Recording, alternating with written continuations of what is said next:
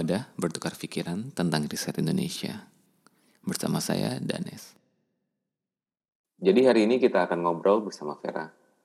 Vera adalah teman dekat saya di Teknik Kelautan ITB. Dia menempuh sarjana dan master di ITB, jurusan Teknik Kelautan, dan dia sekarang sudah menjadi dosen dan sekretaris jurusan di Universitas Pertamina, jurusan Teknik Sipil. Mari kita sapa Vera. Halo Vera, bagaimana kabarnya? Halo Danes, Alhamdulillah baik kabarnya. Gimana di Swedia? Aman-aman beda kayaknya kita belum ada lockdown di Jakarta gimana perkuliahannya Ver? Uh, kita masih online jadi sudah satu full satu tahun satu setengah jadi satu setengah semester itu kan ya jadinya itu udah full uh, online semua jadi kemungkinan besar apakah nanti akan berubah menjadi offline karena ada tahun ajaran baru itu masih masih belum tahu lagi. Hmm, Oke. Okay. Vera, boleh nggak sharing sedikit tentang latar belakang pendidikan Vera sebelumnya? Oke, okay, uh, eh, jadi mulai dari S1, S1 saya kuliah di ITB, uh, eh, mengambil jurusannya teknik lautan, kemudian uh, selesai empat tahun uh, langsung lanjut S2 di sama juga di Teknik Kelautan ITB selesai tahun 2015. Jadi uh, selama hitungannya tujuh tahun tersebut uh, beneran full kuliah, nggak punya pengalaman kerja, jadi paling cuma kerja praktik yang jadi uh, tidak jadi asisten mata kuliah itu aja. Jadi belum ada pengalaman kerja. Jadi sebenarnya ketika lulus S2 itu agak khawatir karena e, mau melamar kerja e, gelarnya sudah S2 tapi belum punya pengalaman. Nah itu yang e, agak bikin khawatir waktu itu. Tapi e, dapat kesempatan untuk kerja di e, perusahaan konsultan teknik di Bandung uh, selama dari 2016 sampai 2018 kemudian uh, melamar jadi dosen di Universitas Pertamina dari 2018 sampai sekarang. Di Universitas Pertamina sendiri Vera mengajar jurusan teknik sipil ya? Oh iya, jadi uh, jadi ketika dari kalau dari latar belakang pendidikan kan uh, kuliahnya sampai uh, kerja di konsultan kemarin itu uh, bidangnya teknik kelautan. Jadi uh, desain ngomongnya tentang pelabuhan, tentang pantai, tentang laut. Namun ketika masuk Universitas Pertamina, uh, jurusan yang ada atau program studinya itu adalah uh, teknik sipil. Namun uh, program studi teknik sipil di Universitas Pertamina ini mungkin uh, agak berbeda dengan uh, teknik sipil di kampus-kampus lain karena di kurikulumnya ada memasukkan mata kuliah-mata kuliah uh, yang ada hubungannya dengan kelautan. Jadi istilahnya uh, mahasiswa ada kesempatan nanti di tugas akhirnya uh, untuk uh, mengambil bidang lepas pantai. Jadi selain bidang lepas pantai di teknik sipil Universitas Pertamina sendiri ada spesialisasi apa aja, Sfer? Kalau teknik sipilnya, jadi kalau kita bicara uh, kelompok keahlian ya, kelompok keahlian itu sekarang uh, sudah ada tiga di prodi kami, yaitu pertama struktur, uh, di mana strukturnya itu uh, digabung satu, struktur darat dan struktur laut. Jadi yang desain gedung, yang desain bangunan lepas pantai itu masuk ke dalam struktur.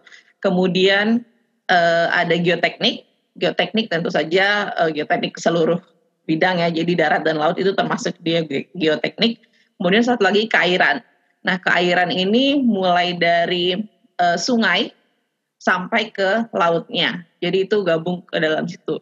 Sebenarnya ada juga bidang transportasi, namun karena uh, dosennya hanya dua orang, satu masih tugas belajar, jadi uh, belum ada kelompok keahlian satu buah kelompok keahlian transportasi, tapi sudah mahasiswa boleh mengambil bidang tersebut karena sudah ada dosennya. Kalau gitu boleh kita sharing tentang riset di Universitas Pertamina mungkin Fer. Kalau di Universitas Pertamina sendiri, riset-risetnya itu seperti apa bentuknya? Apakah punya laboratorium ataukah dosen diwajibkan riset per tahun atau bagaimana? Oke, jadi di Universitas Pertamina itu eh, dosennya disarankan, eh, digerakkan supaya eh, melakukan penelitian. Jadi Yang pertama dilihat dari uh, bahwa kampus kami uh, memberikan uh, dana tahunan untuk masing-masing dosen untuk dapat melaksanakan penelitian. Jadi itu sifatnya akan ada tiap tahun, ada jatahnya untuk masing-masing dosen. Namun selain itu ada juga uh, dana atau hibah yang sifatnya selek, seleksi. Jadi uh, untuk mendapatkan uh, dana tersebut biasanya ini, ini nilainya lebih besar ya sekitar uh, 50 juta sekitar seperti itu itu nanti uh, dari beberapa judul yang uh, mengumpulkan proposalnya nanti akan diseleksi siapa yang terpilih seperti itu. Cuma kalau seandainya yang tidak terpilih pun masih ada dana yang tadi sifatnya uh, dana jatah masing-masing itu. Kemudian juga uh, ada juga yang kita join dengan beberapa kampus uh, biasanya dengan salah satu yang paling sering kalau di UP itu uh, kami kerjasama dengan Universitas Teknologi Petronas Malaysia UTP. Nah itu uh, setiap tahunnya ada uh, matching grant, jadi ada seleksi juga uh, di mana nanti misalnya uh, dari UP akan memberikan 6.000 USD, nanti dari UTP 6.000 USD, jadi nanti ditukar dananya, jadi uh, ada satu tim itu terdiri dari tim UP dan satu tim dari tim UTP. Oke, jadi istilahnya kayak subsidi silang ya. Jadi perlombaan yang di ya, benar. UTP dan UTP Petronas dan Pertamina. Tapi uh, mereka harus harus berkolaborasi dua tim itu. Jadi entah misalnya judulnya sama, yang satu ngerjain di Malaysia, yang satu ngerjain di Indonesia seperti itu atau tahap pertama dikerjakan oleh tim Indonesia, tahap kedua dikerjakan oleh tim Malaysia kayak gitu. Oke menarik sekali ya, berarti ini udah ada bentuk kerjasama lintas lintas universitas ternyata di Universitas Pertamina. Dan kalau kalau dari saya pribadi merasakan eh, seleksinya agak berat, cukup karena udah tiga kali eh, pembukaan udah tiga kali ngusulin judul nggak dapat dapat juga.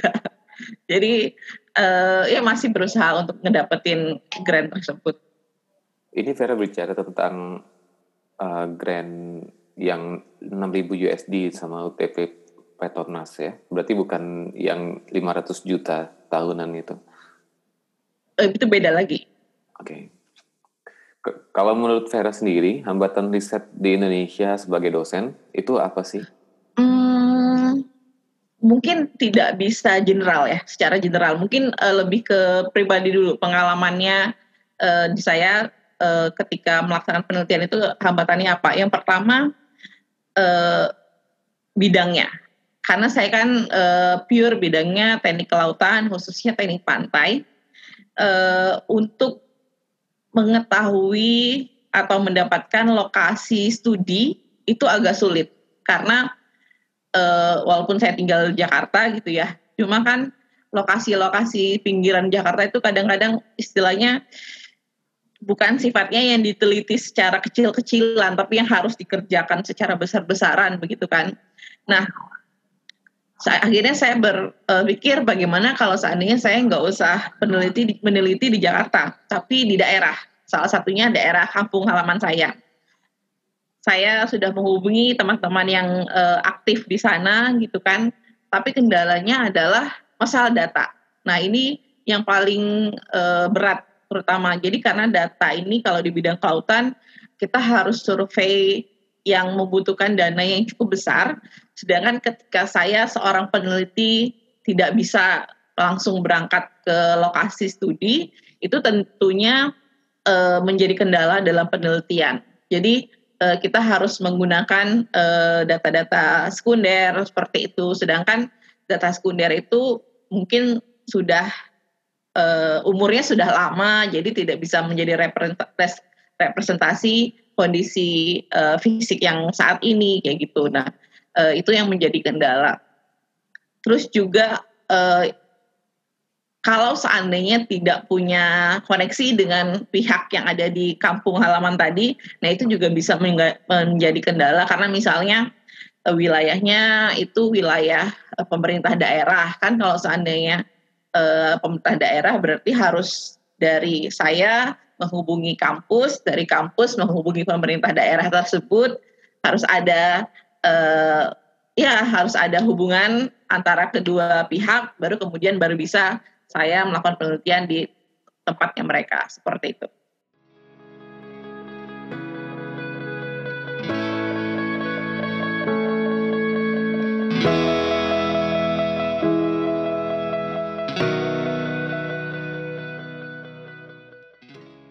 Tadi berarti Vera udah bicara tentang tiga hambatan. Yang pertama itu lokasi di lokasi riset sendiri itu membutuhkan resource yang besar baik di daerah ataupun di pusat Jakarta. Sedangkan untuk yang kedua adalah surveinya sendiri itu membutuhkan biaya yang besar dan penggunaan data sekunder itu tidak representatif lagi ya. Dan yang ketiga memang harus dibutuhkan koneksi dengan Pemda kalau riset di bidang teknik kelautan atau teknik sipil, atau khususnya di bidang Vera, teknik pantai, stakeholder siapa saja sih yang terkait dengan riset ini, Vera? Um, kalau uh, dari saya sebagai seorang dosen, tentunya yang salah satu yang paling utama itu dari pihak universitas, karena semua kegiatan dosen kita nanti akan uh, mengatasnamakan uh, Universitas Pertamina. Jadi tentunya uh, butuh izin dari mereka dan juga nanti perlu melakukan uh, pelaporan ke universitas. Terus yang kedua adalah uh, lokasi studinya itu ada di mana. Jadi pihak yang bertanggung jawab terhadap lokasi tersebut.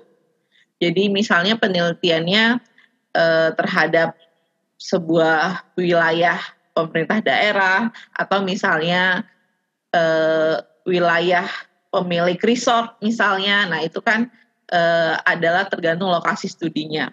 Kemudian uh, stakeholder yang lainnya juga berupa pihak-pihak uh, penyedia data. Misalnya kalau dari sisi teknik kelautan itu biasanya kita berhubungan dengan BMKG, kemudian juga dengan uh, pihak dari angkatan laut yang biasanya punya data terkait uh, pasang surut misalnya uh, juga dengan laboratorium uh, laboratorium untuk uh, mengolah hasil survei. Uh, saya rasa itu beberapa stakeholder yang penting dalam uh, penelitian yang di bidang saya. Apa sih yang Vera cita-citakan atau yang Vera doakan untuk riset Indonesia atau riset khususnya di bidang teknik sipil atau teknik kelautan? Kalau dari saya pribadi tentunya eh, karena memang sebagai dosen ya sekali lagi sebagai dosen itu eh, wajib untuk melakukan penelitian. Namun terkadang ketika sudah ada niat tapi masih terkendala banyak hal, misalnya masalah dana, masalah data, masalah waktu, misalnya. Nah itu kan eh, yang jadi harus di eh, jadi challenge-nya gimana supaya bisa tetap dilaksanakan penelitian ini.